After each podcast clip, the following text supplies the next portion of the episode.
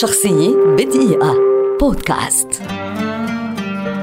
كاميرون دياز ممثلة كاتبة وعارضة أزياء أمريكية ولدت عام 1972 وتعد واحدة من أبرز نجمات هوليوود ومن أكثر الوجوه النسائية نجاحا في السينما الأمريكية خاصة فترة التسعينات. بدأت دياز مشوارها الفني كعارضة أزياء ولم يكن لديها أي تجربة تمثيلية من أي نوع إلى أن جاءتها الفرصة التي حققت من خلالها أسرع نجاح لممثلة في السينما الأمريكية مع فيلم ذا ماسك وقد أحسنت دياز الاستفادة من تلك الفرصة بخطوات سريعة متنقلة من فيلم إلى فيلم وبل إلى أربعة أفلام أحيانا في عام واحد.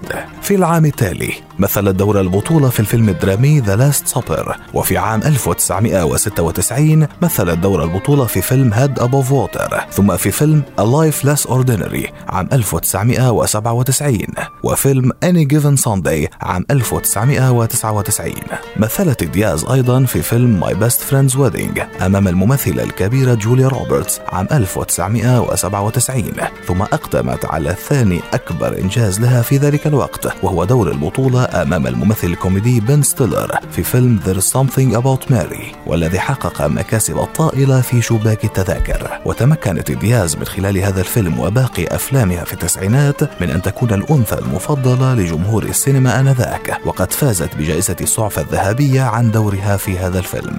تخلت دياز عن شعرها الأصفر لتتحول من شقراء فاتنة إلى ممثلة في أحد أنجح الأفلام في التسعينات وهو رائعة المخرج سبايك جونز Being John Malkovich ومن أفلامها الناجحة الأخرى أيضا نذكر Holiday In Her Shoes Gangs of New York One Night and Day.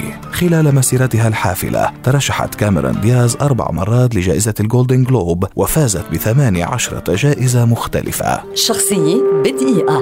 بودكاست